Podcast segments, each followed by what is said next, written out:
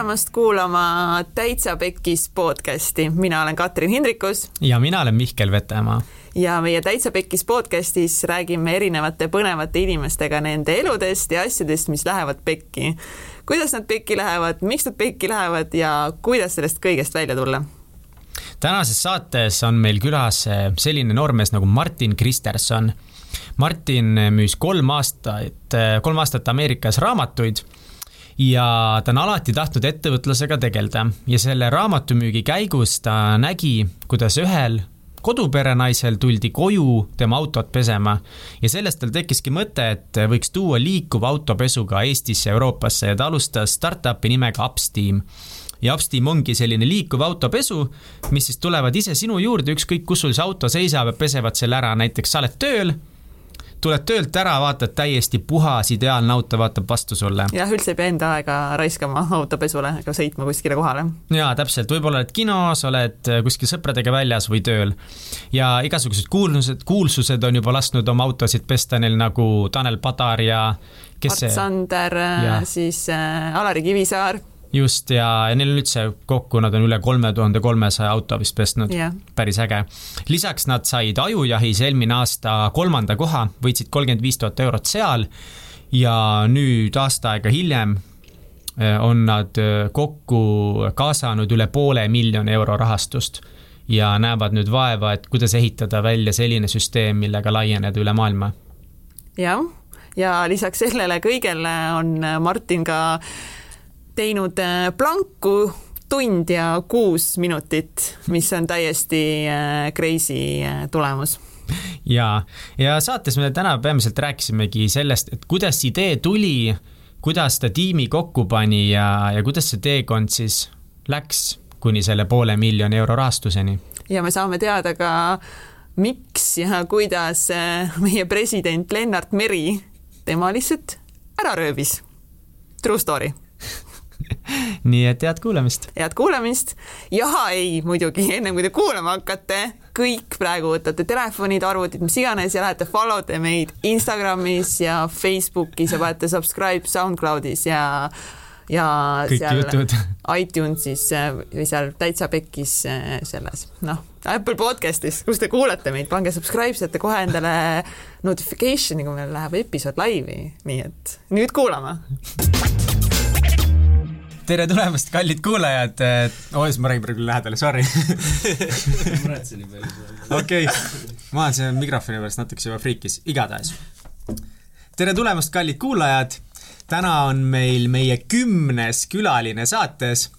see mees on Martin Kristerson, tere tulemast. tere, tere. tere, Martin ma juba alguses peksan oma märkmikusi nooga, proovin seda mitte teha kui ma, Martin, sinuga rääkisin, et äh, tule podcast'i meile, siis äh, sa olid suhteliselt äh, segaduses, et milline see podcast peaks välja üldse nägema. et äh, see on väga huvitav mulle, sest sa oled mees, kes teeb ettevõtlust, startup'i, oled rampse müünud, sa oled väga palju puutunud kokku enese harimisega, et mis viisid on siis sinu enesearenguks? harimiseks, issand, ma ei oska rääkida. mis viisid on minu enesearenguks? jaa peamine on siis see, mida ma igapäevaselt teen, et äh, ma ei oskagi nüüd, äh, tahad sa täpsustada seda küsimust? jaa, ma võin täpsustada, et kas mingi raamatut jaa, kas sa loed raamatuid palju, kas sa nüüd sa leidsid palusa koha üles. Nonii. mul on veel, ma olen veel natukese noh, külm, vaata, mul need sõnad ei tule veel hästi välja küsimustes. jaa, sa enne küsisid ka, no on teemasid, mida mitte puudutada, et raamatuid ma tegelikult loen üsna vähe, pean ausalt ütlema, aga ma loen hästi palju artikleid ma olen niisugune kiirkokkuvõtte inimene, et juba kui äh, keskkool või keskkoolis ka sain kirjanduse kogu aeg viie, niimoodi, et ma lugesin null raamatut läbi. Äh, noh, midagi ikka lugesin, eks ole, seal need Tõde ja tegu ja Kalevipoeg ja sellised, aga ja Pipi Pikksukk oli mu üks lemmik aga see ei ole ilmselt sellest te kuulda praegu ei taha. ei, vabalt. et äh, minu, minu, minu, ma tunnen, et mul on nagu piisavalt hea niisugune võime saada asjadest hästi kiiresti aru, et mul ei ole vaja seda niisugust pikka mula läbi lugeda, et ma saan äh, nendest artiklitest juba selle peamise asja kätte ja, ja niisugune milleniaalne suhtumine selles osas mm,. väga lahe. mis tüüpi artikleid sa loed? No ma follow n siin igasugused Business Insiderid, siin erinevad need startup'i spiikrid, eks ole, mul on nad kõik follow, follow'isi peal, eks ju, et ma üritan nagu oma sotsiaalmeedia feed'i hoida nagu võimalikult kvaliteetsena, et seal, kui keegi paneb mingisuguseid kiisu-kutsu pilte, siis ma panen nendele kohe unfollow, et jookseks seal ikkagi kvaliteetasi nagu. no nii, Martini sõbrad, kõik kassipilte panete, kohe lendate lihtsalt. Vaadake ette ja mida te postitate, siis peab olema ülikvaliteetne. just, ja nüüd tegelikult kusjuures nüüd eelmine nädal hakkasin kuulama ka podcast'e oma ühe co-founder'i soovitusel, et äh, jõudsin juba sinna faasi ka. kes see siis soovitas? Valju Kitt. nii, ja mis meil, ta soovitas sulle ähm,? oh, tead, ma ei teagi, mis selle nimi on, aga see oli äh, kümme startup induse seadust. ma jõudsin viiendani ja siis äh, nüüd ma ilmselt varsti kuulan selle lõpuni, aga niisugused, niisugused noh, mulle meeldib niisugune nagu personaalne lähenemine, et nagu mulle meeldib inimestega kokku saada, nendega rääkida otse, eks ole, et äh, selle noh, meil tänu sellele startup'is tegutsemisel on nagu network üsna suureks läinud ja nüüd need nagu niisugused head asjad voolavad sisse nagu siin praegugi, eks ole, saame nagu tarkade inimestega otse juttu rääkida ja kuulata siis neid noh, meeldibki nagu audiod, videod, äh, kiired niisugused äh, artiklid ja noh, mul lihtsalt attention span ei luba nagu niisugust mingi viiesaja lehelist raamatut lugeda mingi ühel samal teemal, kus ma lõpuks teen niikuinii ühe kokkuvõtte oma peas ainult sellest. just, või siis keegi tuleb sulle kutsega, et poolteist tundi podcast'is rääkida. Siis on ka mingi aga see on nagu inimestega koos, see on chill, see on äge. Mis oleks siis, kui robotid oleks meie asemel sellist Martin telefonis äh, küsis, et noh, et kaua siis kestab, mingi kümme minutit või? siis ma ütlesin, ei no poolteist tundi. Ta mingi, kuhu ma lähen? ma lihtsalt vaata teen ise oma, oma startup'is nagu turundust, siis on nagu see, et äh, sul ongi nagu maksimaalselt mingi minut aega, et yeah. inimesega aega veeta, siis mul on niisugune nagu mulje jäänud, et kes see viitsib nagu tund aega kedagi kuulata lihtsalt ja siis, aga näed, tuleb välja, et see on, see on norm ja see on standard siis nagu. no täpselt.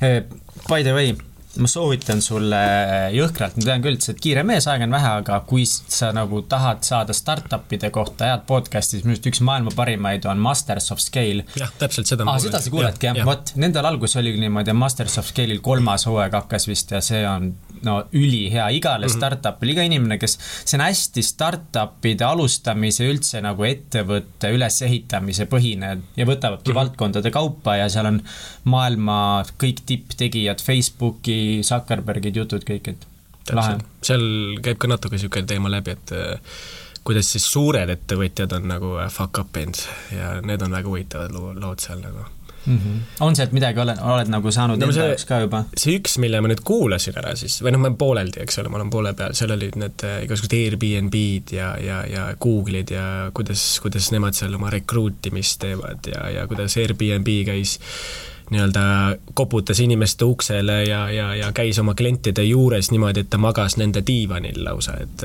niisugune nagu kliendi, kliendi uurimine käis. Et mis seal siis nagu pekki läksid, kuidas nad mõõtsid seda kümne või üheteist tärni teenindust ja niisugused asjad, see on väga huvitav, soovitan kõigil kuulata. Lähed nüüd magad kellegi autos või? Ei kusjuures, ega varsti üsna pea me peame hakkama niisugust asja tegema anyway, sest me hakkame ju telefonirakendust looma ja siis see on niisugune koht, kus võib potentsiaalselt üsna palju raha nagu ära põletada ja selle ennetamiseks tasuks selliseid asju kindlasti teha et siis hästi palju kliendiga koos vaadata, kuidas ta kasutab, nii jah? just, just. okei okay., ja me endiselt intros oleme juba teinud äh, kindlasti ah,, me, vaat me iga kord, kui me inimesega alguses istume maha, siis me räägime talle seda ka, mida ma unustasin sulle rääkida, nii et nüüd saatekuulajad äh, saavad ka äh, teada, et me teeme intro ka pärast Aha. ja seal me intros nagu räägime lähemalt, kes sa oled ja selle me oleme okay. juba nüüd ära teinud okay. aga me sulle ei öelnud et seal me räägime täpsemalt, mis asi Upsteam on, aga, aga räägi oma sõnadega, mis asi Upsteam on ähm,? väga lihtne, nagu üks ajujahis, äh, kui me käisime ka, siis üks äh, firma juht samamoodi ütles väga löövalt, et äh, li-, geniaal-, idee, mis oma lihtsuses on geniaalne, et me ei tee tegelikult mitte midagi maailma muutvat otseselt selles mõttes, et või midagi uuenduslikku, mida keegi ei ole kunagi varem teinud, me lihtsalt toome autopesu inimeste juurde et aga sellel on nagu väga suur erinevus võrreldes tavaautopesulaga, sest et äh, siin äh, nüüd viimase saja aasta jooksul igasuguseid asju on seal autotööstuses juhtunud, eks ole, nagu näiteks tulid siin need äh, ütleme, automaatpesulad, siis tulid mikrofiiberlapid ja siis tuli nanotehnoloogia ja kõik niisugused huvitavad asjad, eks ole, mis aitab nagu seda asja paremini teha, aga mitte ükski innovatsioon ei ole mõeldud nagu selles suunas, et mis see tegelik kliendi probleem on.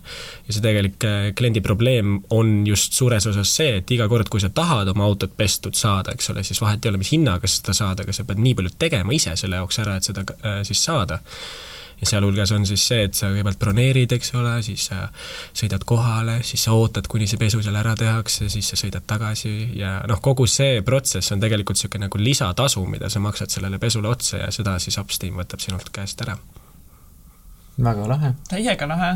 ja see on, kõige pullim on minu arust see, et te olete startup aga te olete nii ebastandardne startup, sest nagu kui me räägime startup'ist, kõik kujutavad ette, et on äpid, mingi IT-lahendus, arendajad, siis te olete alguses kolm venda, kes jooksevad pesuriga mööda linna ringi, pesevad autosid. et nagu, mis kõva IT-startup meil siin on, aga tegelikult, mis teid eristab ülipaljudest startup'idest, on see, et te hakkasite looma konkreetset väärtust esimesest päevast peale mm. -hmm ja te lootegi nagu niisugust täiesti nagu füüsilist väärtust, millest saab kohe raha tagasi mm -hmm. vaata, et see on nagu ülivinge ja väga paljud inimesed või noh, ma arvan, et startup'i maailmas ülipaljud ongi natukese kinni juba sellest, sa pead ainult äppe tegema mm, -hmm. et ei vaadata sellest koodi kirjutamisest eemale mm. -hmm see, kusjuures ega pealtnäha vaadata tegelikult äh, ta ongi niisugune traditsiooniline autopesu ikkagi, eks ole. Ja, ja, ja me ajujahi alguses, kui me seal olime, siis meid kogu aeg tembeldati nendeks pesupoisid, kaubikuvennad, eks ole. jah, kaubikuvennad, eks ole, me rääkisime seal, et kuidas me tahame uut kaubikut teha ja siis me olimegi kaubikuvennad ja nii edasi, aga, aga tegelikkuses mida rohkem sellesse asja süveneda, siis köögi poole peal on väga palju asju, mida praegu nii-öelda lava ees äh, inimesed ei näe ja see on näiteks see, et noh, tõesti, me tegelikult praegu juba räägimegi telefonirakendusest. see on telefonirakendus, mille sisse läheb äh, tubli kuuekohaline summa selle tegemiseks ja see on niisugune asi, mis viib meid nüüd sellest äh, arvamusest tublisti sinnapoole, kus me tegelikult olemegi niisugune tehnoloogia startup. aga ennem kui me läheme juba sinna tuleviku suunda, äkki läheks algusesse tagasi, et räägi, kuidas, kuidas üldse see idee eh, sündis teha Upsteam? Ma sain ükskord, äh, no tegelikult see oli nüüd mingi paar aastat tagasi, üks, üks meie mentor, Aleksander Kansen, kes teeb siis Shipitwise'i tema küsis mult ükskord niisugust asja, et äh, kallis Martin, et äh, kust sina oma häid ideid saad? ja, ja siis äh, mul nagu sellest teemast klikkis ära, kus ta, mina hakkasin välja pakkuma siis igasuguseid asju, et noh, poti peal ja kus iganes, eks sul tulevad head ideed, aga tema ütles, et head ideed tulevad siis, kui sa kopeerid ja, ja tegelikkuses ütleme ausalt, siis Upsteam ongi mõnes mõttes kopeeritud idee. sest kui ma nüüd äh, oma esimesel suvel raamatuid müümas käisin South Carolinas, siis see oli vist mingi alles neljas-viies nädal, kus ma seal koputasin ja idee alge tuligi sealt, kus ma koputasin ühele uksele, vaatasin paremale ja seal oligi siis üks värvikirev auto, sõitis sinna kõrval maja juurde ja lihtsalt hakkas nagu, võttis tagant mingi vooliku välja, hakkas pesema, eks ole, mul käis nagu peas sel hetkel nagu niisugune klikk, et miks sellist asja nagu igal pool ei tehta, et nagu why the hell, eks ole. sest ma olin ise, mul oli omal ka mingi vana roostetav Mazda kolm kaks kolm F, niisugune musta värvi ja, ja ise olin kohe vaene koolitudeng ja siis ma mäletan seda, et noh, raha nagu ei olnud nii palju, et käia pesulas, panin ka nendes mündikates ja nii edasi, aga sa mõtled Ameerikas? ei, siis, siis kui ma Eestis olin, eks ole, aga, aga nagu miks mul see asi nagu nii ära klikkis, oli just sellepärast, et ikka nagu aastas kord või kaks võtad selle piduliku sündmuse ette, et nagu lähen ikka teen ühe korraliku käsipesu, eks ole. Siis lähed cherry.ee-sse, vaatad kõige odavama vautšeri valmis, on ju ja siis lähed kohale ja siis vaatad, seal on niisugune nimekiri, et nagu vahad ja kõik asjad, eks ole, tehakse ära ja siis kogu aeg, kui sa sinna kohale jõuad, siis on mingisugune vene vanka, kes nagu kõigepealt äh, möliseb sul näo täis, et sa valesse kohta läksid ja siis vaatad sinna, tunned mingid ilged haisvad asjad on seal ümber ja siis saad selle teenuse kätte, siis mõtlesid, et nüüd saad nagu mingi uue kosmoselennuki kätte, aga tegelikkus vaatad, kurat, väljad on ikka mustad ja niisugune asi, eks ole, siis mul nagu see mälestus oli endal nagu nii selgelt meeles ja ma ei olnud üldsegi nagu sellise nurga pealt vaadanud, et kuidas sellist asja nagu äh, siis nagu cure ida või parandada.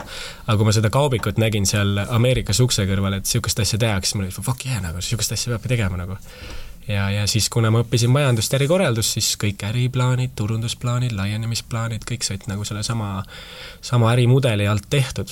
ja, ja, ja lõpuks oligi see, et sa olid nagu mingi sadades lehtedes seda materjali juba käinud, käinud läbi, see oli nagu see, et nagu miks me siis ära ei tee seda nagu. aga tegelikkus, miks me seda ära ei teinud algul, oli see, et ei olnud mune piisavalt.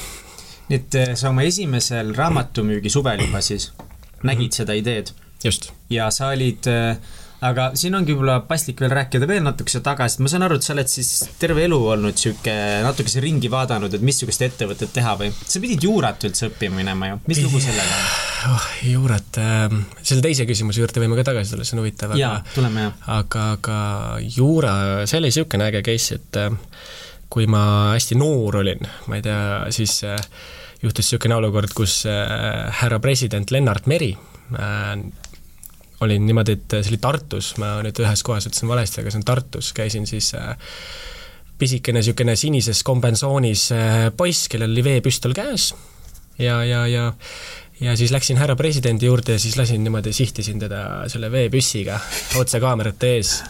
ja siis tema võttis minu nagu omale sülle, viskas oma sinna Mercedese äh, limusiini, eks ole, mis praegu seal lennujaamas seisab kusjuures.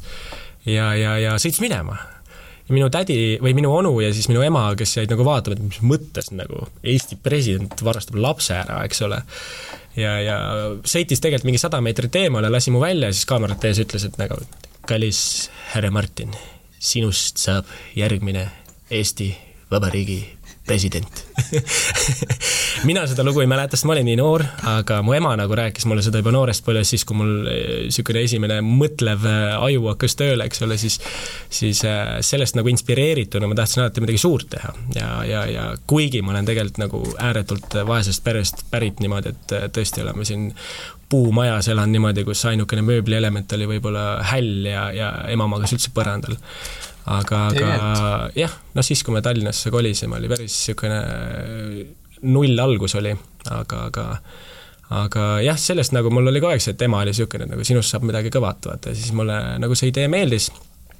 Ja, ja noh, kui ma olin väike, eks ole, siis ma ei osanud suuremalt mõelda, mõtlesin, et nagu Eesti president ongi kõige ägedam asi, aga siis ema ütles, et sa oled nii hea jutuga, Martin, ja ma tean, et advokaatidel on alati tööd nagu alati tööd, see on niisugune hea Soviet Union ütlus, et nii, et kui sa saad advokaadiks, sa oled tehtud inimene.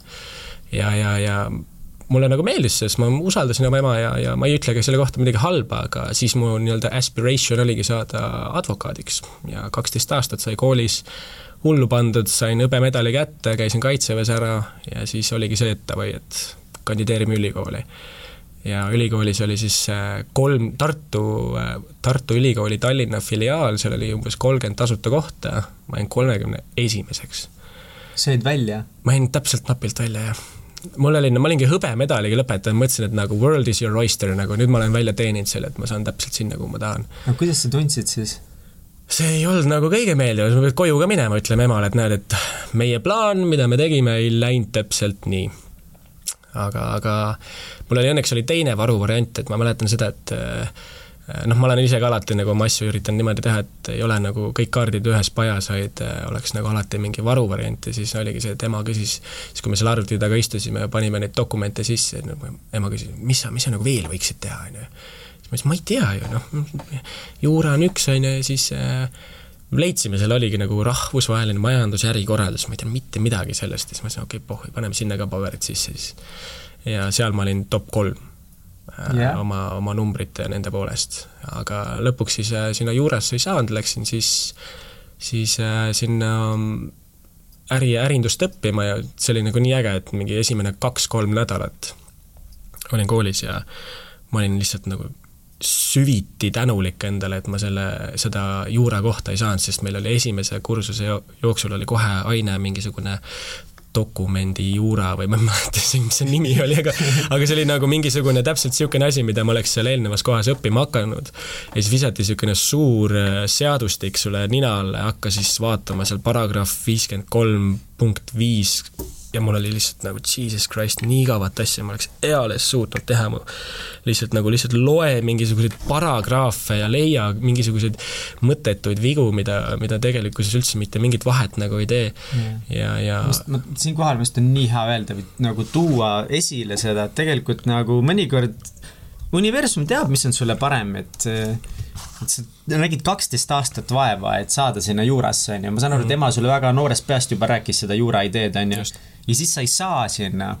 ja siis tuleb välja, et see pidigi nii minema, sest ja. et see teine oli palju parem, see on nagu jumala huvitav. täpselt, ma ise nimetan seda mu esimeseks õnnestunud ebaõnnestumiseks, et äh, see on nagu tõesti niisugune suur blessing olnud, sest ma isegi ei kujuta ette, mis oleks saanud, ma näen ise praegu neid vaeseid tudengeid, mitte nagu rahalises mõttes, aga nagu äh, vaeseid tudengeid, kes on sattunud nagu kogemata mingisuguse ala peale, mis neile nagu üldse ei meeldi, eks ole. aga mul nagu õnneks kuidagi, ma ei tea täpselt, kas siis universum või mis iganes, juhatas nagu sinna teele, kus ma isegi kuni oma kahekümnenda või üheksateistkümnenda eluaastani ei osanud üldse mõeldagi.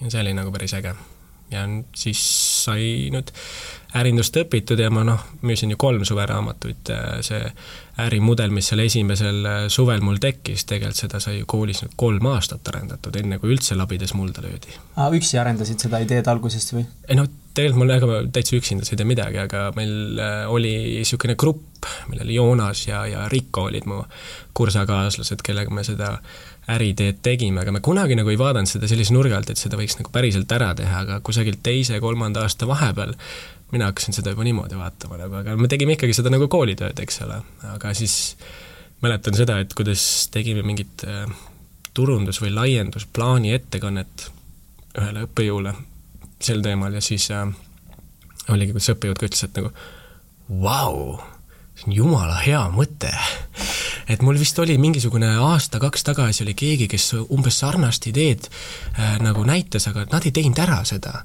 Martin, kas sa teeksid ära selle või? mul oli mingi jaa, aga ära ütle Joonasele ja Rikole nii, ja miks sa neile ei ütlenud? ei noh, ma ei kas tea. sina kolistad selle kellaga laua all või? no mina olen vist jah, võtan ära selle siis ähm,. aga jah äh,, see see, ei noh te,, ei tegelikult ei olnud nagu mingit saladust ega midagi, lihtsalt äh, ma teadsin nagu, et äh, noh, Joonas tahtis saada reporteriks ja Rico tahtis Pärnus mingit ettevõtlust teha, ehk siis ma juba algselt ei näinud seal nagu seda, et oleks niisugune perfect dream team, sest noh, see olekski nagu järgmine teema, millest rääkida, kuidas ma jõudsin selle tiimini, sest et see idee paberi peal on noh, ta on lihtsalt tint ja paber mm. -hmm. aga, aga tegelikkuses nagu sul võib olla ükskõik kui hea idee, siis selleks nagu eesotsas on sul vaja seda kordajat, mis äh, lubaks sul teha mitut äh, asja korraga ja, ja võimsamalt ja selleks on see tiim, kelle sa pead kokku panema, et see on nagu niisugune kõige suurem kas see siis oligi nüüd äh, järgmine asi, kui sa hakkasid nüüd mõtlema, et okei okay,, et ma võib-olla tõesti päriselt teen ka selle nüüd ära mm, -hmm. siis millest sa alustasid?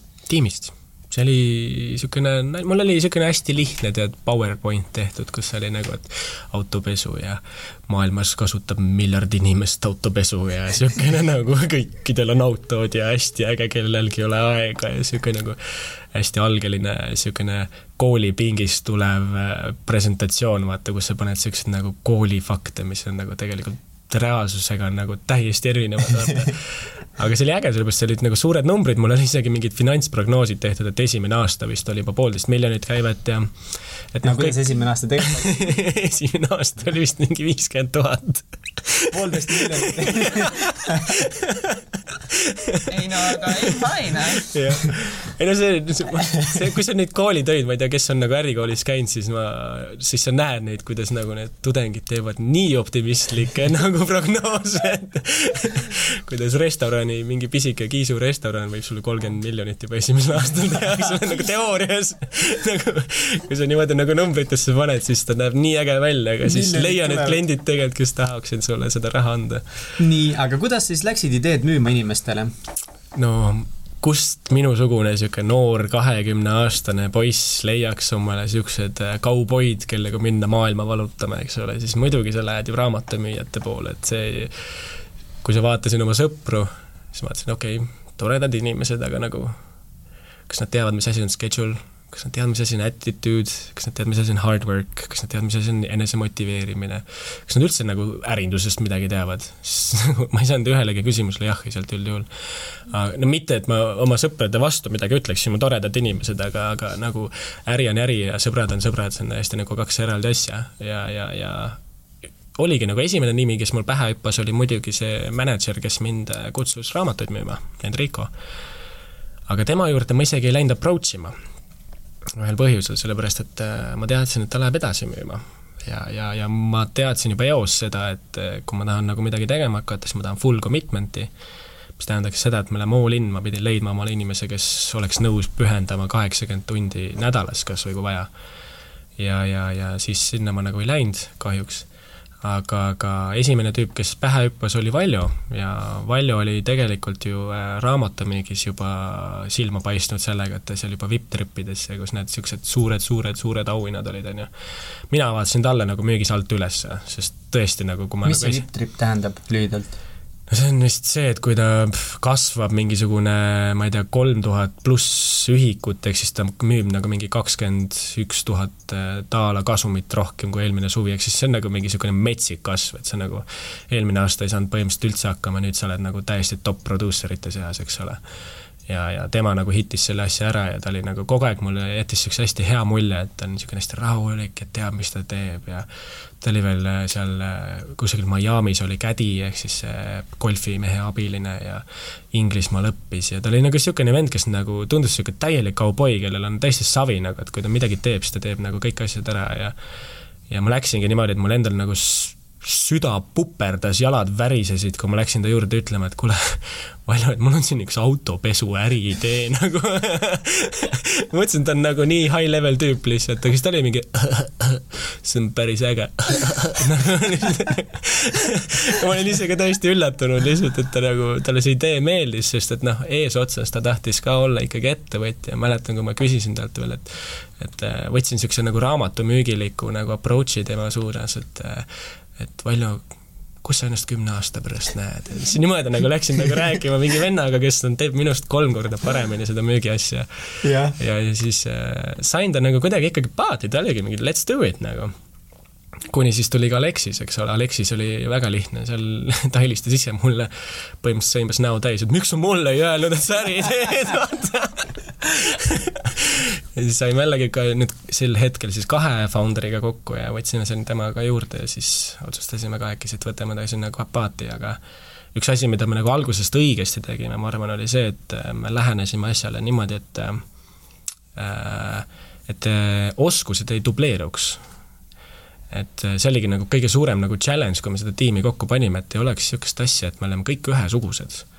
Ja praktikas, kui nüüd tegelikult nii-öelda köögi poole pealt vaadata, siis me kolm inimest, me oleme nagu täiesti öö ja päev Valjo on niisugune rahulik surfarpoiss nagu eks ole, kes nagu, kes on nagu niisugune see on nagu, peas tekivad juba mingid, pildid nagu, ma tahaks nagu näha, ta päriselt välja näeb. ta on nagu inimestega vapustav lihtsalt, tal on äh, kõik kliendi nimed, kõik äh, inimesed on äh, nimeliselt peas, ta on nagu täielik networker lihtsalt ja tema on see, kes toonud nagu meisse kogu selle network'i ja need inimesed ja, ja, ja kõik selle. ja, ja Aleksis on jällegi teisalt on niisugune pealtnäha, algul me arvasime, et ta on niisugune hästi analüütiline inimene.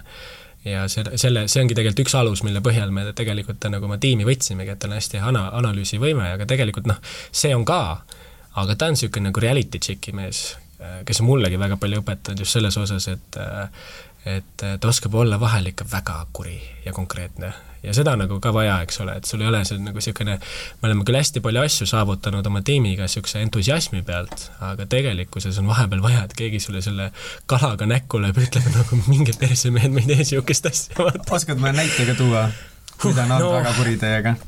no ei, noh, algusaastal me tülitsesime ikka päris palju nagu jõhkralt ikka nagu niimoodi, et ma läksin ikka vahepeal koju, mul oli niisugune tunne, ma saan südare lihtsalt, sellepärast et no mul on nii kurb näha, kuidas nagu tiim ei saa hakkama üksteisega aga te noh, tegelikult me saime hakkama, lihtsalt me ei olnud nõus igas asjas nagu, eks ole, ja igaüks taht-, noh, olime niisugused nagu algajad, startup'i vennad, kes nagu I know everything and I can do anything, vaata, et ei osanud delegeerida ega midagi sellist. ja siis sealt tulid need tülid, aga ma olin äh aasta aega, või no vähem kui aasta aega tagasi kevadel, ma olin täpselt samas seisukorras. eelmine osa rääkisime ka, et ma tegin ühte startup'i Flitrip ja. ja me lõpetasime ka asja ära peamiselt sellepärast, me läksime omavahel väga-väga tülli mm -hmm. kuttidega, et äh, nagu natukese jaga seda mõtet veel, et miks need tülid tekkisid ja, ja kuidas, mis siis sai?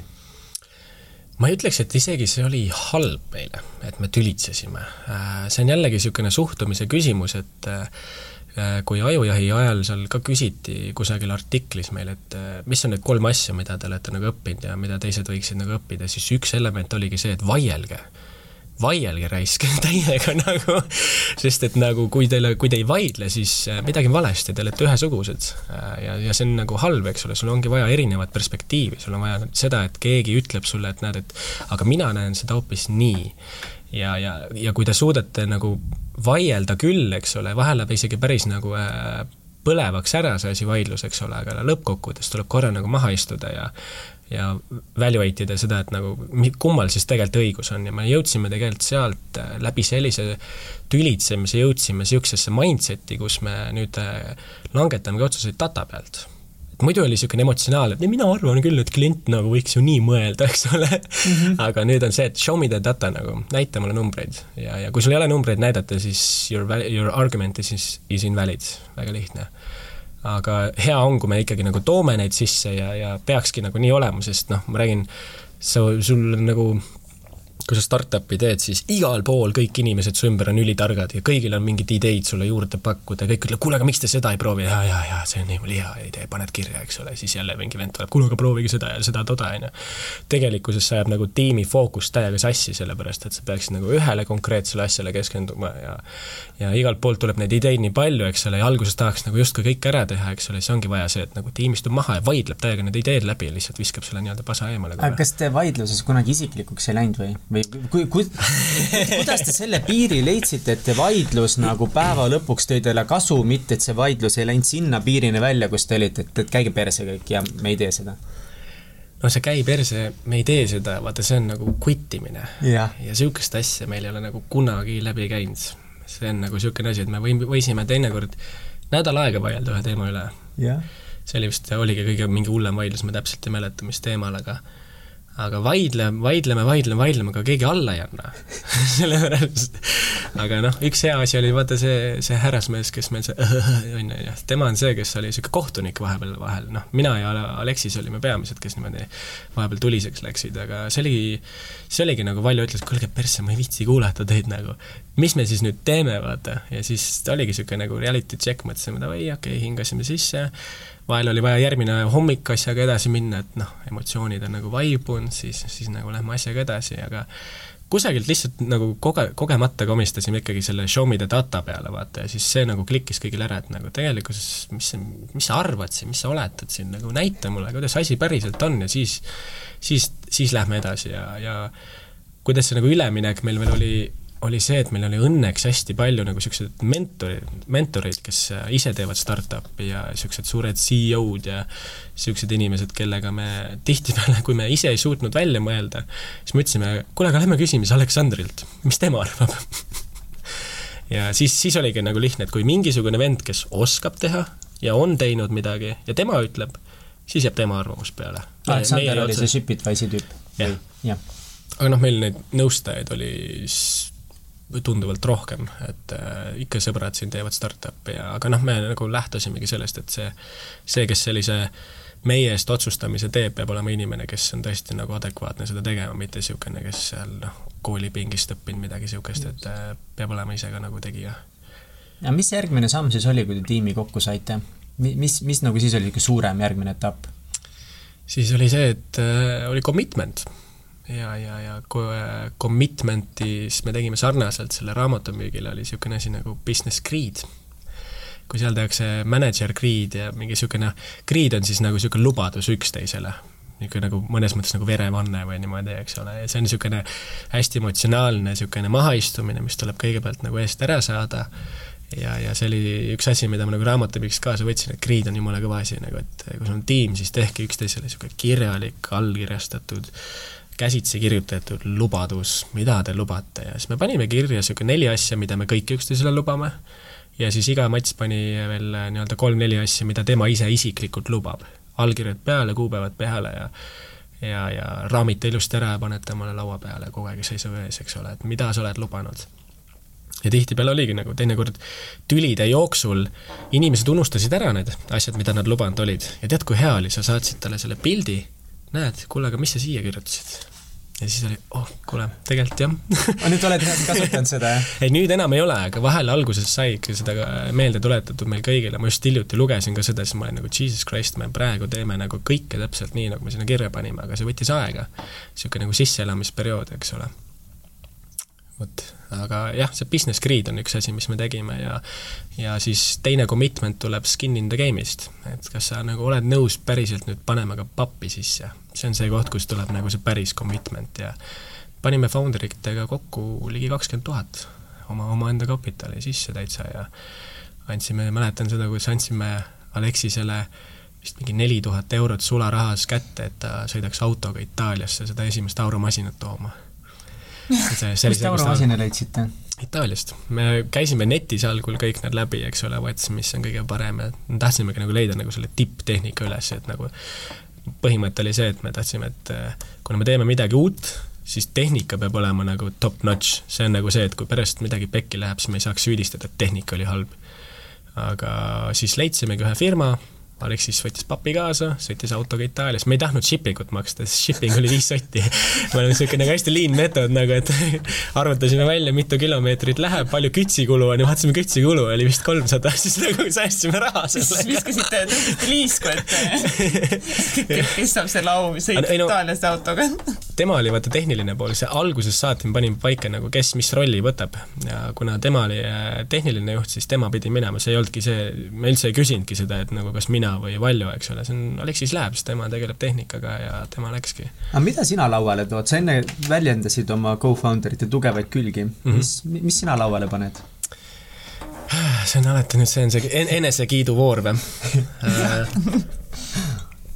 noh, minu ülesanded siis põhimõtteliselt on äh, panna kokku seda tiimi, juhendada seda ja, ja teha, teha visioon kõigile piisavalt arusaadavaks, piisavalt äh, erutavaks ja, ja, ja, ja need on niisugused suuremad asjad, äh, noh, nüüd hiljuti, eks ole, kaasasime pool miljonit eurot ka puhtjuhuslikult. Aga aga noh, kui me tegime nüüd siin meil on nagu kultuur on ka hästi oluline, siis me tegime, teeme nagu iga kuu niisuguseid äh, family night'e, upsteam family night'e. Ja, ja ja siis nüüd äh, seal ma teen alati niisuguse recognition vooru, kus ma kõiki kiidan hästi palju. ma ena-, ena-, ma ennast nagu tavaliselt ei kiida, mulle ei meeldi seda teha, aga, aga siis ikkagi Aleksis või Valjo tavaliselt tõusetub püsti, oota, aga ütleme siis midagi Martini kohta ka, eks ole. ja mida nemad, ma siis oskan öelda, mida nemad välja toonud on, on see, et äh, mis, mida mina siia ettevõttesse võib-olla kõige rohkem nii-öelda juurde toon, ongi see visiooni pool, et et mul on niisugune nagu juba vaata sellest esimesest PowerPointist alates on niisugune mulje või noh, niisugune omadus, et ma teen asjad hästi suureks, eks ole, et nagu esimene aasta poolteist miljonit, on ju, ja, ja, ja aga see on nagu niisugune koht, kus mu kaasfounder'id on algusest peale kogu aeg naernud sellele, et Martin, miks sa nagu neid numbreid nii ebarealistlikuks ütled, eks ole. Aga tagantjärgi vaadates nad äh, tänasid mind, ütlesid, et nagu fuck, kui keegi niisugust asja ei oleks teinud, eks ole, siis, siis me praegu siin nagu ei seisaks, sest noh, üldsegi algne, kui me hakkasime raha kaasama, siis me lootsime, et sellesama osaluse vastu, mida me nüüd ära anname, me plaanisime saada maksimaalselt kakssada tuhat. aga see on nüüd kaks pool korda nagu rohkem kaasasime selle pealt ainult, et ma julgesin seal nende VC-de ja juristide ja kõikidega seal vaielda, et näed, et tegelikult meie väärtus on selline, sellepärast et see ja too ja neljas. Vot, ehk siis noh, viin on nagu ettevõttesse seda ebaratsionaalsust, ütleme niimoodi, et nagu kui, kui numbritele otsa vaadata, siis tegelikult asjad nii ei ole, aga keegi oskab nat-, natuke suuremaks rääkida keegi peab ikka kogu aeg yeah. rääkima seda, mis ühel hetkel nagu hakkab olema ja seda suurt pilti ikka sa sära silmadesse nagu tooma, et kui sa lähed selle visiooniga, et no meie esimese aasta eesmärk on no kümme tuhat eurot siin yeah. ja noh, ei löö väga silmi särama ja ei taha kohe ju paati hüpata, aga kui sa lendad peale ja ütled, et mis asja kutid esimese aastaga poolteist miljonit, kujutate ette sellised asjad, siis nagu noh, on ikka suurem tõenäosus, et sa hakkad mõtlema, vau, aga yeah. äkki, äkki ongi võimalik jaa, sa oled, meil on Kats visiooni oma, kunagi ma olin rohkem visioonis, aga praegu on Kats on meil see, kes siin räägib mingitest konverentsidest ja ma ei tea, mis imeasjadest, et tõesti, keegi peab seda visiooni ajama. on nii, Kats? jah, nii on. I can do that. aga okei okay,, investorid, eks ole te saite oma selle esimese aurumasina kätte, mis hetk siis oli see, kui te tundsite, et te võiks hakata ka investorid taga ajama, kas see oli lihtne mina tahaks kõigepealt teada, teada saada, enne kui jõuame mingi investoriteni, kui see esimene aurumasin siia tuli, et te ju võtate, võtsite ikka ise need aurumasinad ja läksite ise puhastama ja tegite ju kõik ise, nagu ma tahaks seda, seda lugu kuulda, kuidas te nii-öelda pihta hakkasite füüsiliselt nagu tegema seda kõike. Mm. -hmm. no ütleme nii, et me olime hästi õnnelikud, see, mäletan seda päeva, kui see aurumasin jõudis Eestisse. väljas oli äh, jaanuar ja hästi külm oli väljas ja, ja siis olime hästi excited, et nüüd on see aurumasin kohal, hakkame siis testima. ja tegelikult seisid selle aurumasina taga kolm tüüpi, kes ei olnud kunagi mitte ühtegi autot ära pesnud. Ja ja siis äh, me võtsime selle aurumasina kätte, kütsime ta kuumaks, see oli veel niimoodi, et äh, me pidime teiselt korruselt elektri alla saama, sest ta tahab elektritoidet ka saada, siis me panime kolm niisugust pikendusjuhet üksteise otsa ja aknast lasime alla, et me saaksime nagu selle aurumasina siis käima panna. ja siis hakkasime pesema esimest autot ja niisugune pooletunnine vaikus oli, kus kõik lihtsalt nagu mängivad oma nende aurupüssidega, keegi ei ütle midagi. sest tegelikult kõigil käis peas mõte, et see ei tööta ju keegi ei julgenud öelda me nagu pesime seda autot, aga ta ei läinud kuidagi puhtamaks noh, piltidelt ja videodelt tundus see asi nagu, et see on nagu amazing, mingi imeasi, aga autole jäid lihtsalt mingid jutid peale ja see mustus läks lihtsalt seal laiali ja ta ei tulnud üldse lahti ja me olime tegelikult nagu peas mõtlesime, et nagu see ei ole toimiv nagu asi. Ja keegi ei julgenud öelda kõik pessid edasi et äkki ikka, kui ma nüüd natuke nii teen, et äkki läheb paremaks ja nii edasi. tegelikkuses asi oligi selles, et äh, ma ei osanud lihtsalt, tegin nii valesti see on nagu, see on noh, metsik, kui, kui, kui valesti üldse me nagu tegime ja tegelikult üldse poolteist aastat, mis me tegutsenud oleme, siiamaani õpime veel, kuidas seda autopesu teha, sest see on tegelikult paras kunst. Äh, tavainimese jaoks tõesti tundub, et noh, mis see on, vesi, šampoon ja švammiga lükkad laiali on korras, eks ole, aga kui sa tahad nagu korralikku tööd teha ja eriti veel sellise meetodiga, kus sa kasutad auru, mitte siis vett, eks ole, siis äh, see peab ikka nagu väga õigesti tehtud olema, et seal on omad meetodid, mis nurga alt sa lased, kui kaugelt ja, ja kus sa alustad, kus sa lõpetad, mida sa peale vahele lased, eks ole, need protsessid on nagu meil jooksvalt välja äh, töötatud. me algul tegime ilma leotusaineta üldse, noh, läksime lihtsalt musta auto peale lapiga, nühkisime laiali kujutan ette, millised kriimustused me nendele esimestele autodele tegime tegelikult äh,. aga noh, õnneks need olid sõbrad ja tuttavad kõige paremad inimesed, kes ikka niimoodi käru keerata, ikka sõpradele. et friends, fools and family'ga kõigepealt, eks ole, et aga, aga jah, see oli nagu niisugune suur üllatuspunkt, kus mõtlesimegi, et nagu, et noh, ei toimi ju tegelikult, aga, aga siis oligi see, et võtsime lihtsalt interneti lahti ja vaatasime videosid ja vaatasime. ja täpselt ja oligi basic mingi ten tips on how to wash a car ja sa lugesid neid artikleid lihtsalt hommikust õhtuni lihtsalt ja see oli nagu niisugune esimene kuu oligi lihtsalt ainult õppisime ja katsetasime, testisime, okei okay,, see on veits parem, see on veits halvem. teisalt Aleksis otsis vahendeid, eks ole, me testisime mingeid julgen öelda, mingi kahtekümmend erinevat kuivatuslappi, mingi nagu kolmekümmend erinevat leotusainet, need on kõik nii erinevad, eks ole, erineva hinnaga, erineva, kas nad üldse on loodussõbralikud ja kõik niisugused asjad. ja see oli nagu omaette niisugune nagu ettevõtte väärtuse loomisprotsess, kus sa tegelikult lõpuks jõuad punkti, kus on asjad ja vahendid, mis töötavad. sest et noh, see esimene kord, kui me tegime, siis ma kujutan ette, kui meil nagu, kui mingi konkurent kuulab praegu, siis äh, proovige ära see asi, see on nagu ma tahaks näha, et te teete ära selle nagu nii et viga oli, viga masinas ei olnud, viga oli seal, mis oli masina taga, jah? masina taga oli jah, masin töötab väga ilusti ja tõesti on nagu väga head, head tööd võimalik teha sellega, aga lihtsalt noh, poistel ei olnud kogemust sellel alal ja see ongi see asi, mida me oleme nüüd jooksvalt nagu endale ehitanud siis, kui nii öelda. okei okay., olete mõne auto ära ka rikkunud, et klient on ikka väga kurjaks saanud või midagi juhtunud?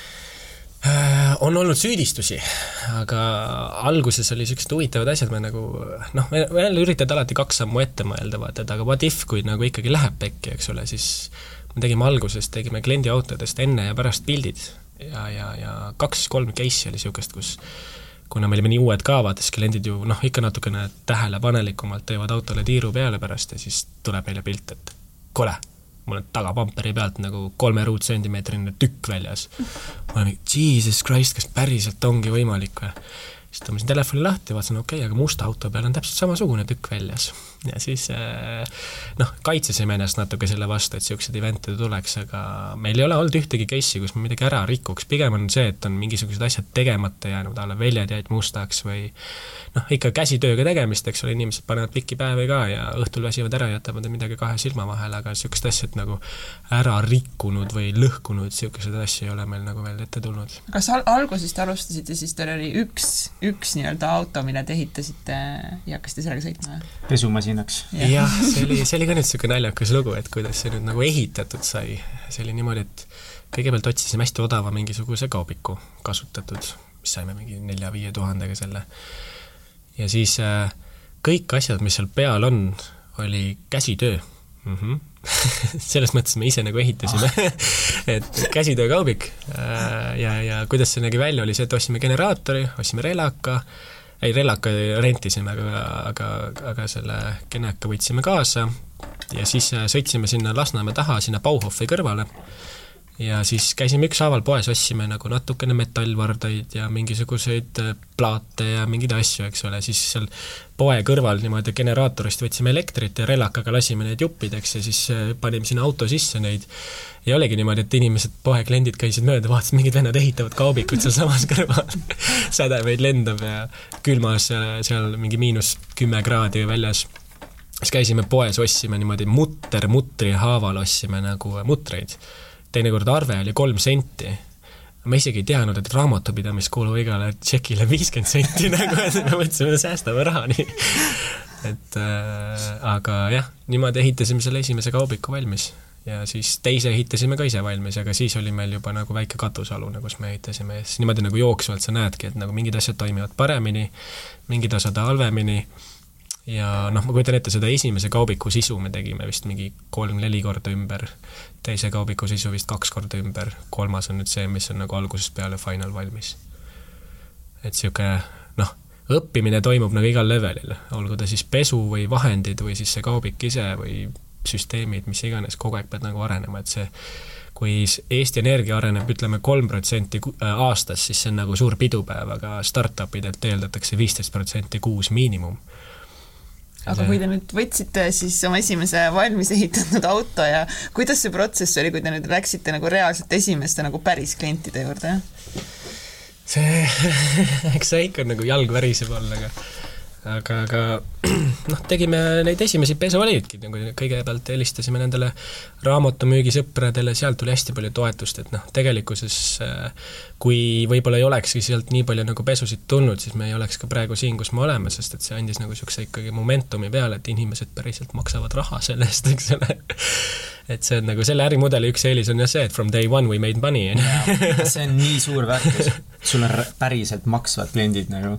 Just, aga ta ei olnud, noh, seal me saime hästi palju kaebusi kogu aeg, aga nagu ähm, mis see nagu hea point on see, et kui sa teed nagu startup'i, siis niisugune esimene pool aastat, võib-olla natukene sinnakanti, antakse sulle kõik andeks ei okei okay,, sul on, sa jätsid katuse täiesti mustaks, aga noh, te ju alles teete seda startup'i värki ja õpite, eks ole. sa ei oska veel päris hästi pesta autosid nagu.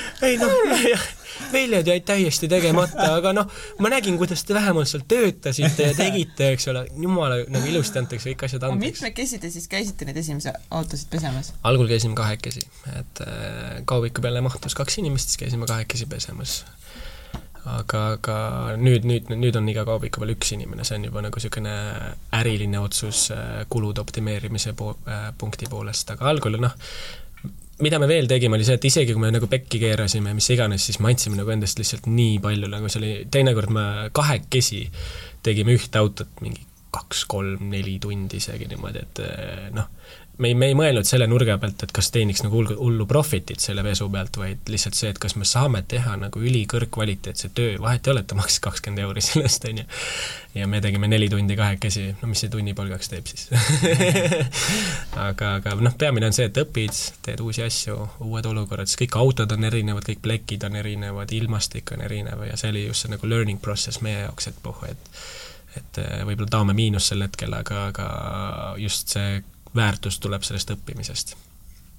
Upstream teeb autode ainult välipesu või sisepesu ka või? sisepesu teeme, vahatamisi teeme, pigieemaldusi teeme, sügavsisepesusid teeme, karvadeemaldusi teeme, aknaklaasi keraamikat, tulede poleerimisi, kõike siuksed asjad, mootoripesud. aga kas enamasti inimesed on siis tööl sellel ajal, kui te pesete autot, siis mõtlen, kui sa neli tundi pesed, siis näiteks mingi trenni või kinopausi ajal nagu autot puhtaks ei tee? jah äh,, aga meid tellitakse suht vähe millegipärast nagu ikkagi nagu trenni või kinopausi ajal, sest peamine on ikka see, et üheksast viieni oled tööl, auto on siin niikuinii ees ja siis on meil aega küll ja küll seda teha. siis peseme ju autot samal ajal, kui sa autot ei kasuta. et noh, see nagu, üldjuhul klientidel ei ole üldse vahet, nagu kaua me seal peseme. Nad isegi panevad mingi ajavahemikku meile kirja, et nagu peske lihtsalt päeva jooksul ära, mul niikuinii auto seisab. et äh, ja noh, niisuguseid neljatunniseid pesusid muidugi ei tule ka kõige rohkem, eks ole, need on natuke kallimad ka ja niisugused eksklusiivsemad kliendid tellivad neid, aga niisugune välipesu on meil tund, sisevälikas on kaks tundi ja see on üksi tehes. muidu me ei suutnud kahekesi ka niisugust aega ära teha. ja kui ma välipesu siis näiteks tellin, on ju, palju see maksab mulle täna?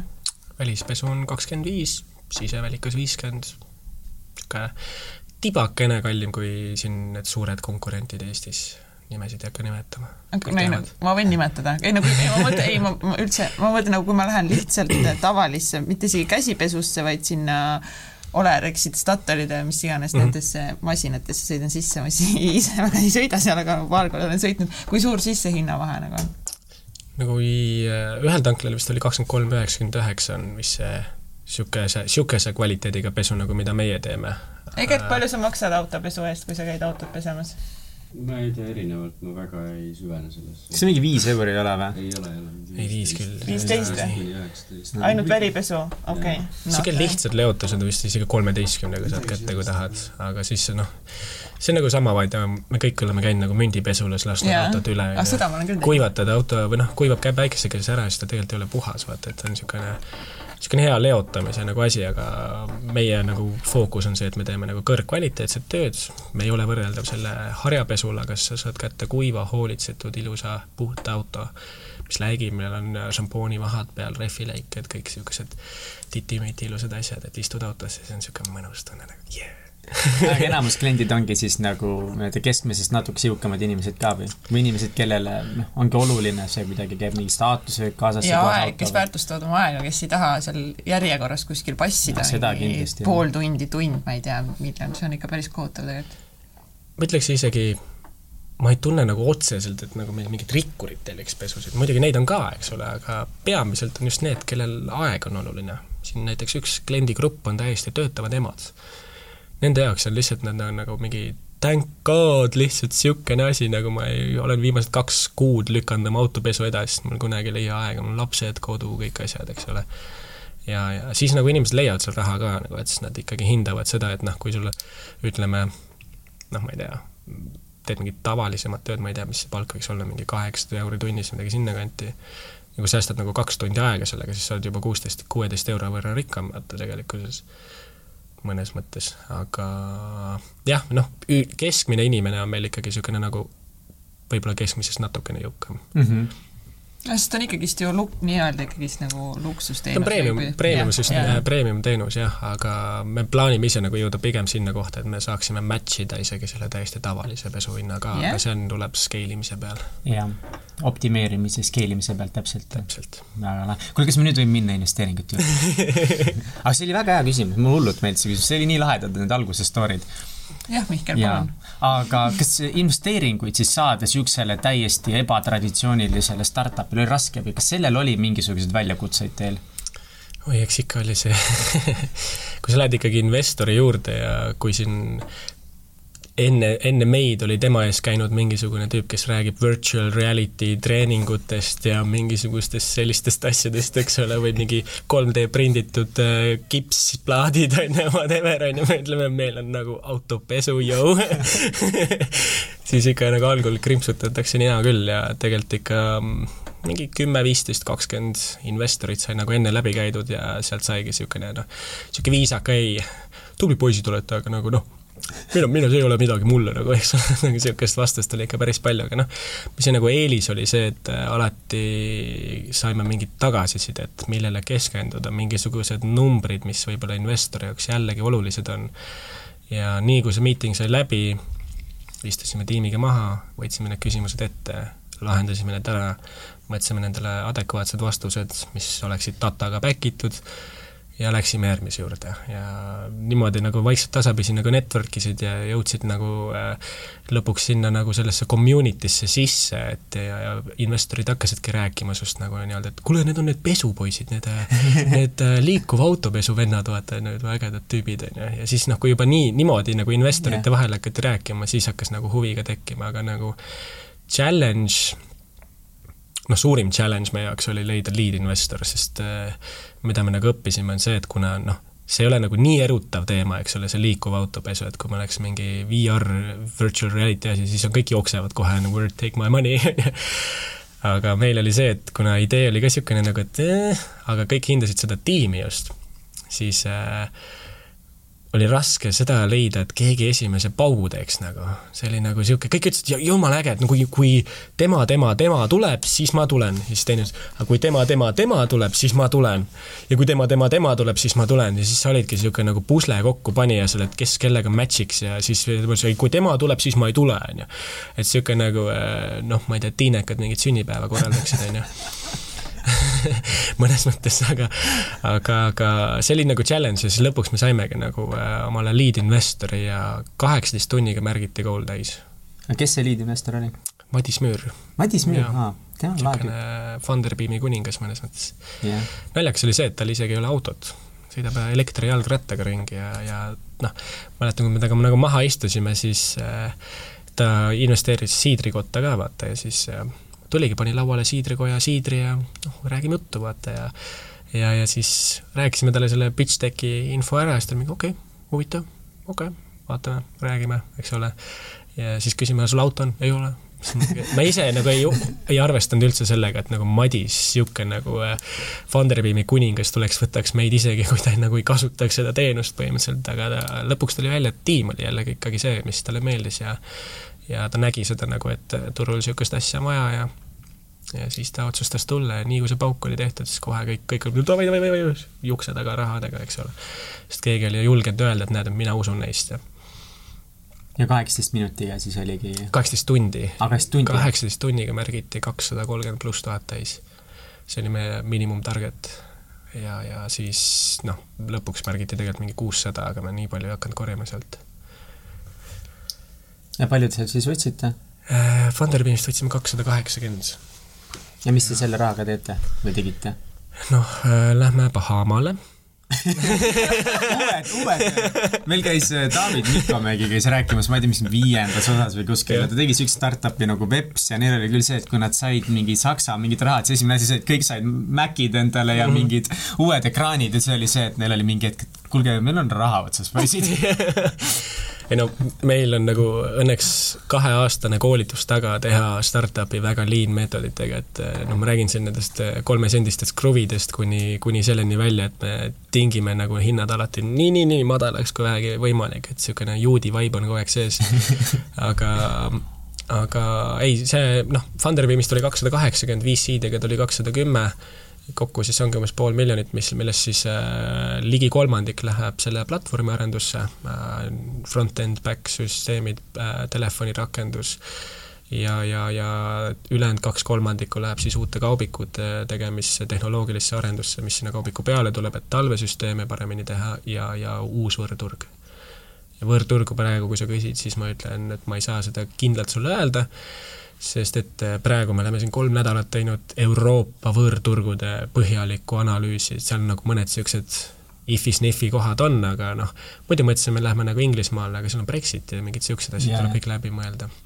see on huvitav koht, on see võõrturgudele minemine ja kuidas sinna minna, kas te seda Taxify meetodit olete ka nagu mõelnud või? et nagu Markus Villiga on ju väga kuulus selle poolest, et ta räägib väga paljudel äh, konverentsidel vähemalt rääkis, et et noh, et, et kuidas siis Eesti poisid vallutasid Aafrika, et nendele ju kõik need investorid soovitasid ka tohutuid turu-uuringuid, kohale minna, põhjalikud süsteemid, palkad meeskonnas, hakkad vaatama.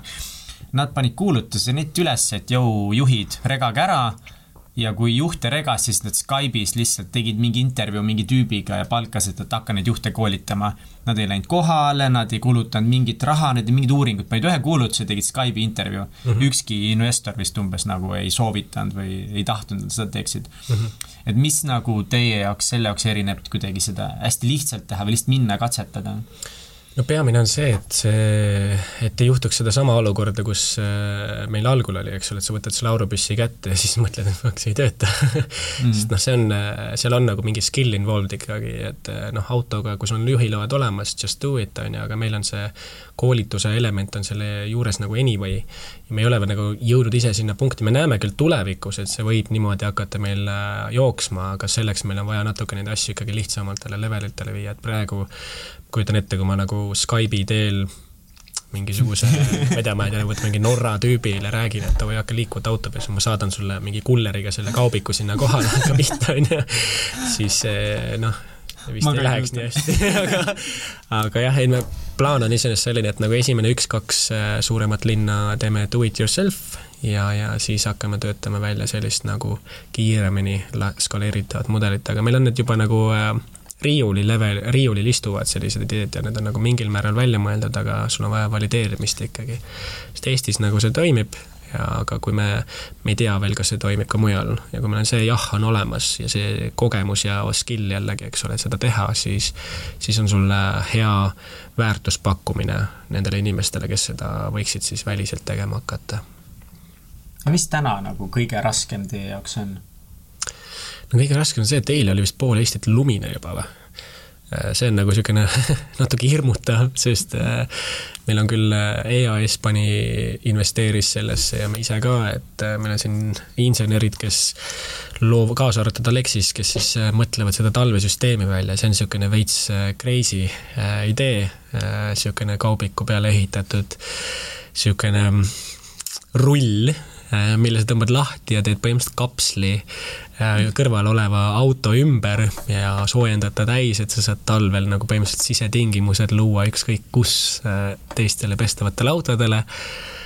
see on nagu, see on nii palju, kui ma oskan sulle seda kirjeldada praegu.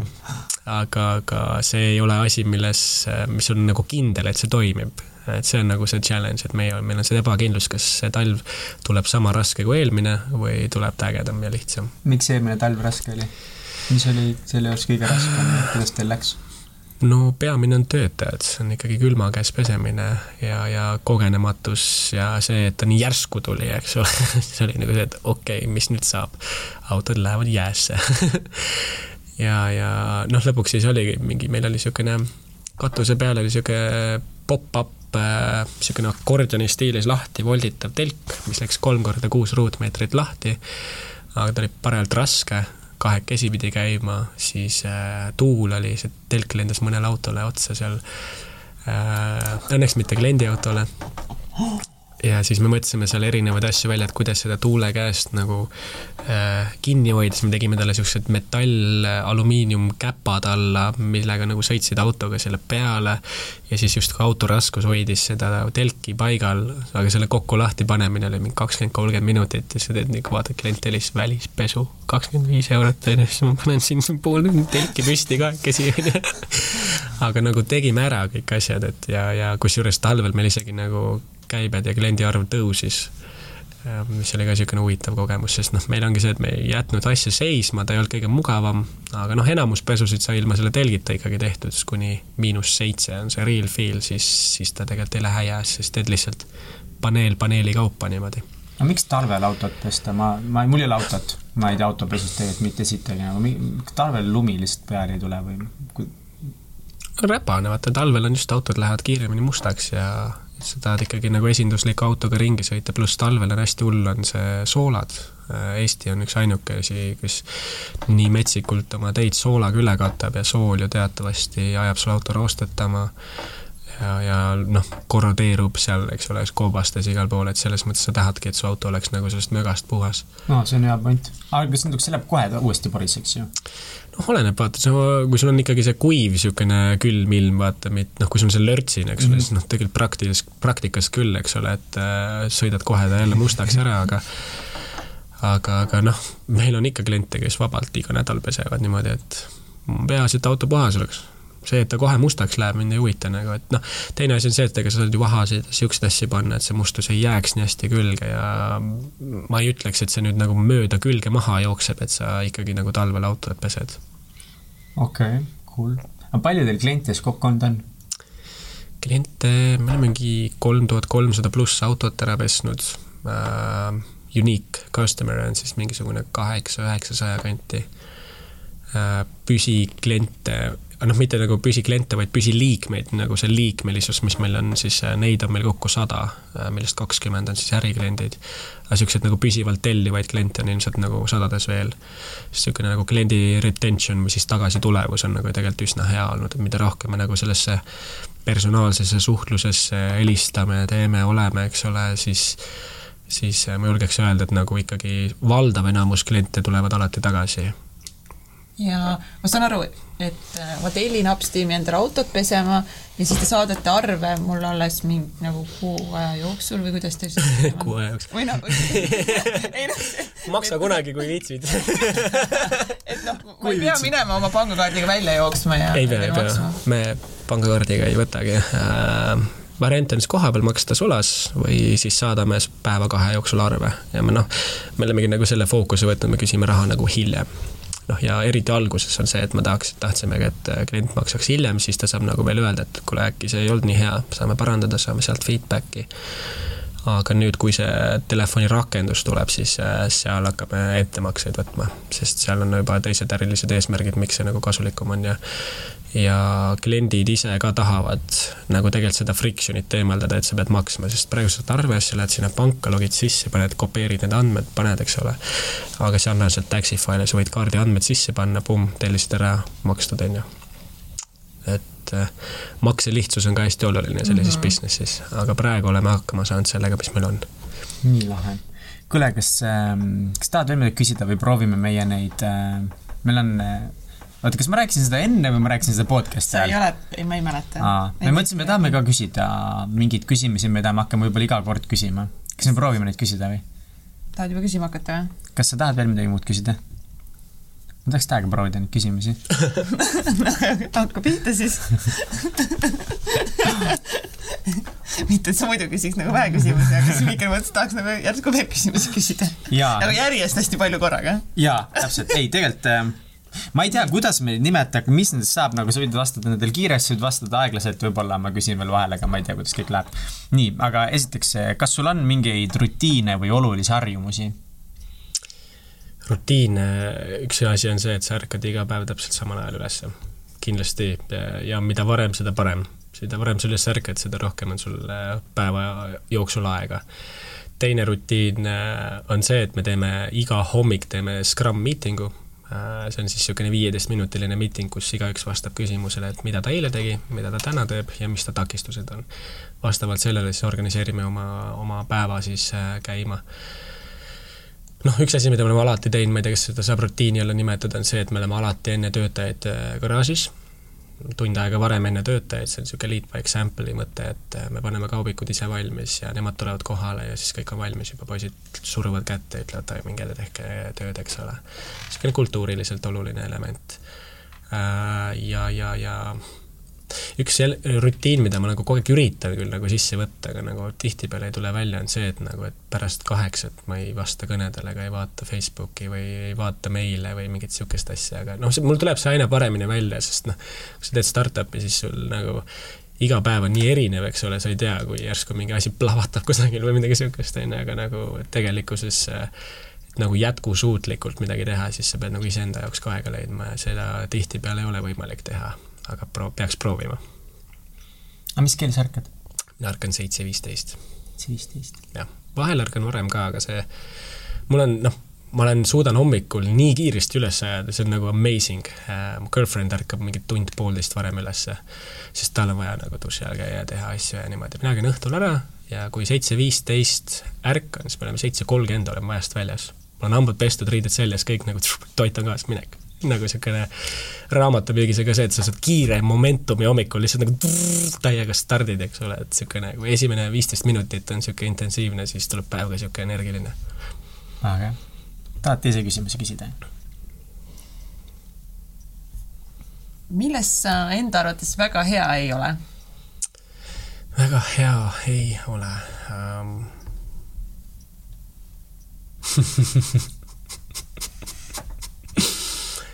milles ma hea ei ole? ma ei tea, võib-olla raamatuid peaks rohkem lugema ähm, vahel ei ole ma hea selles, et äh, ma ei julge inimestele halvasti öelda või konkreetselt, et et ei no, kui sa oled nagu ettevõtte tegevjuht, vaata siis inimestele halvasti. mitte halvasti, ma ei mõtle seda, aga nagu konkreetselt, vaata, sest noh, see on see reality check, vaata, et äh, see bad things about bad things, vaata, ja see, et sa lihtsalt ütled inimesele, et kuule, et sa teed sitasti sest mul on ikkagi see, et ma tahaks nagu pehmelt öelda, et kuule, kas me saame seda paremini teha ja kas see ja too, eks ole. aga niisugune confront imine, mis on tegelikult hästi oluline CEO niisugune roll, siis äh, see on niisugune koht, kus mul hakkab süda sees peksma, et issand jumal, äkki ma haavan ta tundeid praegu okay. ähm, mille üle sa oled kõige uhkem oma elus? Kõige uhkem? ma ütleks, et äh, äh kuna selline nagu eneseületamine on alati minu jaoks niisugune oluline olnud, siis võib-olla niisugused kõige uhkemad asjad äh, selle konkreetse teema väliselt, millest me siin räägime, on, tulevad spordi poole pealt. ja, ja üks niisugune amazing fakt võib-olla on see, et kui kaitseväes sai käidud, siis äh, just päev pärast äh, verd andmist suutsin ületada ennast niimoodi, et ma tegin plankingu exercise'i tund ja kuus minutit järjest. Ja see oli, see oli siuke, tund ja kuus minutit oli jah, see mul kell käis ees ja inimesed olid seal juures, mul oli niimoodi, et noh, kui sa oled kaitseväes, vaata, see on sul siilisoeng, vaata, siis mul oli pea oli niimoodi veresoontest täiesti pingul lihtsalt ja jah, kõhu all oli mingisugune ilgem loik higi ja see oli niisugune koht, kus lihtsalt oli see, et nagu tahtsingi teha tund aega, ma panin kuus minutit veel otsa see oligi sellepärast, et lihtsalt nagu mõtlesin, kas ma suudan do or die nagu vaata ja siis äh, see on niisugune asi, mis mul alati nagu meenub, kui ma ise mõtlen, et nagu, et okei okay,, kas ma olen nagu mingi väsinud või kas ma ei jaksa või ei saa hakkama, siis ma olen fuck it, kurat, mees, sa tegid kuuskümmend kuus mintse planku nagu. Oh my god, see on jõhker, sa olid siis selles nagu noh, et äh, küünarnukid, toeng, no mitte nagu kätekõverst toenglamad, vaid küünar, küünarnukkide peale, küünarnukkide peale, jõhker mm., oh my god. tavaliselt inimesed juba mingi minuti peal hakkavad põhimõtteliselt nagu juba ära surema ja niimoodi. jah, jah, et nagu viis minutit on selline juba, et sa oled nagu jõhker plangu tegija ja ma ei ole plangu tegija tegelikult, see oligi nagu see, see ongi niisugune õppetund iseendale, et nagu mul ei olnud mitte mingit eeldust, et ma võiksin seda niimoodi teha, sest mul ei olnud nagu mingit suurt treeningut selleks taga, vaid ma lihtsalt tahtejõu pealt lihtsalt kütsin selle ära niimoodi, et küünarnukid olid ka verised, aga ei noh, see, see ei ole nagu niisugune seksikas lugu võib-olla selles mõttes, aga see on nagu minu jaoks on niisugune asi, et mõtlen selle peale siis nagu äh, mitte miski ei öelnud, et ma oleks võinud seda ära teha, aga siis lihtsalt tõestus sellest, kui väga, kui sa midagi tahad, siis sa võid seda ära teha kas sa oled pärast tulevikus mõelnud ka, et võiks nagu oma rekordit ületama hakata? Ma ükskord proovisin, ma sain kümme minutit täis, kukkusin kokku või mitte noh, nagu no lihtsalt lasin nagu äh,, lõpetasin ära selle harjutuse, aga aga noh, niisugused nagu spordist äh, jah, niisugused asjad mulle nagu väga meeldivad, et äh, noh, siin Võhandu maratonid sai tehtud alla kolmeteist tunni või kaksteist tunni vist või nulltreeninguga, null ettevalmistust ja see ongi nagu noh, niisugune nagu ups tiimis ka vaata, meil oli null ettevalmistust, null treeningut, aga siin me oleme ja see, see ongi see, et sul ei ole vaja nagu mõelda, et nagu oh, see ei ole minulik või ma ei ole piisavalt ette valmistunud, kui sa tahad midagi, siis lihtsalt do it ja olen nagu elav tõestus sellest. ülikõva äh,. järgmine sinu või? mu järgmine küsimus võib-olla oleks, võib-olla see on sama asi, sest see on päris pöörane, aga mis on kõige pöörasem asi, mis sa elus teinud oled ja kas sa teeksid seda uuesti? ühesõnaga, see eelmine oli päris pöörane, kas on veel midagi? no langevarjuhüpe oli päris pöörane äh, ilma selle instruktorita. ma mõtlesin ilma langevarjuta ilma langevarjuta see oli päris cool ei, langevari oli olemas, aga, aga noh, see oli päris pöörane, see on niisugune koht, kus mul nagu elus esimest korda oli tunne, et nagu, et äh, et eh, kui ma nüüd suren, siis vahet ei ole, noh no sest, et noh, su aju lihtsalt nagu andis alla nagu korra peas nagu, no mitte andis alla, aga lihtsalt niisugune tunne, et I m gonna die. lihtsalt ja sa aktsepteerid seda lihtsalt, et ma olen kohe surnud äh,. Sest noh, see oli ka umbes niimoodi, et seal lennuki ääre peal see vend hoiab sul kinni, siis ütleb, oled valmis? ma ütlen, ei ole, viskab mu välja lihtsalt nagu ja siis äh, kui sa langed, siis nagu kopsud läksid niimoodi õhust tühjaks, siis sa olid nagu mingi väike krampis kook on seal, kuni lõpuks see langevari avas, see oli hästi äge, seda ma teeks uuesti ähm,. pööraseid asju. no tulevadki enamasti seal spordi poole pealt, et maratonid ja, ja sellised asjad, kus ongi nagu lihtsalt let's, let's try, let's do it nagu, aga aga ei anna nagu keskel pooleks, pooleli ega ei anna alla tegelikult meil pidi viis küsimust olema, aga ma küsin ikkagi ühe vahele, sest ma täiega eiran neid kokkuleppeid, mis me Katsiga tegime. ja ma pidin nagu rämedalt enda küsimusi maha tõmbama siit niimoodi. ei, neid ei saa küsida, okei okay,, Mihkel. ma tahtsin, ma tahtsin tegelikult vahele küsida seda, et ähm, sa otsisid oma co-founder ites äh, selliseid isikuomadusi nagu scheduled, eks ole, attitude, hard work. kasuta eestikeelseid sõnu nüüd eestikeelsetele kuulajatele. et nagu hea aja planeerimisoskus, äh, hästi tugev äh, suhtumine, raske töö, kõik sellised, mis on üks isikuomadus, mida sa kõige rohkem tahad oma co-founder ites näha? Commitment. ehk siis võimalu-, äh, oskus pühendada ennast millelegi. see on nagu niisugune, nagu ma mäletan, mul raamatumüügist jäi lihtsalt nii hästi meelde, on see asi, et kui, kui päike paistab sulle näkku, eks ole, siis ta on soe.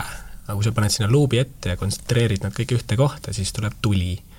ja, ja, ja see on nagu hästi oluline, et sul on äh, niisugune hard working, niisugune kauboi meeskond, kes äh, suudab keskenduda ennast ja püsida seal. sest noh, me kõik suudame niimoodi nat-, natukene midagi niisuguse suure sprindina teha, aga nagu kõik suured asjad sünnivad alati nagu ikkagi maratonist, mitte sprindist.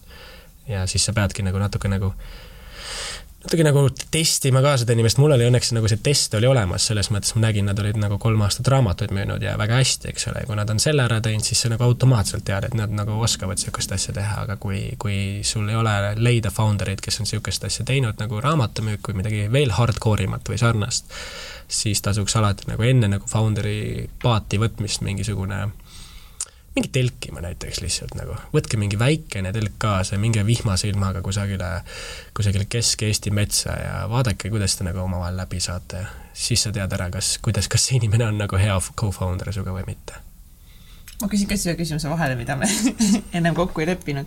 sa rääkisid sellest, et et sa oled kasvanud vaeses peres, kui palju see on mõjutanud sinu tegevust, kas sa mõtled mm. selle peale, et see ei ole see elu, mida ma tahan endale tulevikus, mida ma tahan endale lastele pakkuda? noh, oleneb, millisest vaesusest me räägime, vaata, et see äh, rahaline vaesus, noh, raha on üldse minu jaoks töövahend, see ei ole nagu, ma ei aja otseselt taga rikkust, eks ole, raha on good to have, aga aga peamine on ikkagi nagu see, mida see raha nagu võimaldab, eks ole, nagu need äh, vabadus ja kõik sellised asjad, aga ma ei ole mõelnud selle peale, et ma nagu, kuna ma olen nagu nüüd vaesest perest pärit, siis äh, see nagu kuidagi mind mõjutaks nagu negatiivselt või minu mindset'i või noh, arusaamasid, siis pigem on ta nagu niisugune motivaator, et nagu, et things could be worse, et asjad võivad alati hullemad olla ja ja kui sa oled nagu niisugusest kohast tulnud, siis siis see aitab nagu sellele suhtumisele kaasa, et kui sa näed, et midagi on nagu raske või vale, eks ole, siis sa mõtled, tegelikult on kõik jumala ilus nagu et äh, olen nagu igati tänulik, et mul niisugune asi on olnud, sellepärast et ma usun, et see mulle niisugused head väärtused andnud, et sa oskad nagu võrrelda ja hinnata asju tegelikult, mis su ümber on. ühest kümneni, kui imelik sa oled? üksteist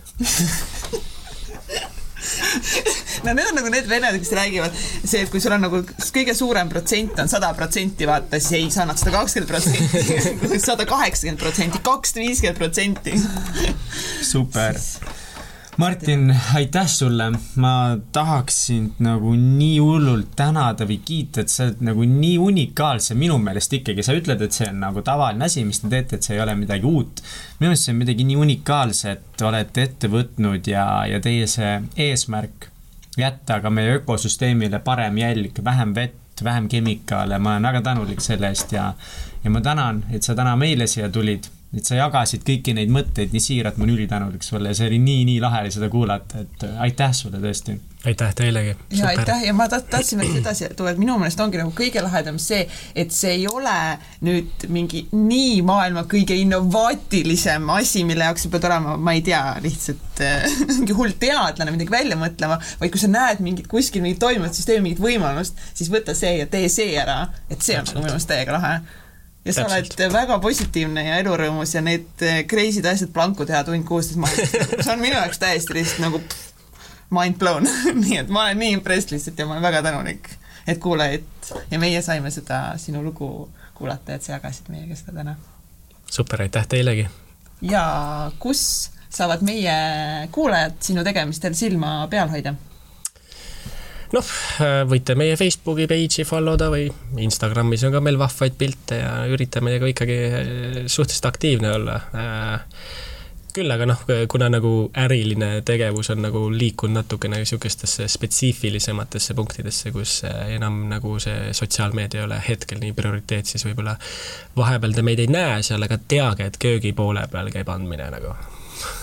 super, super aitäh kõikidele, aitäh kuulajatele, tšau. tšau. tšau, tšau.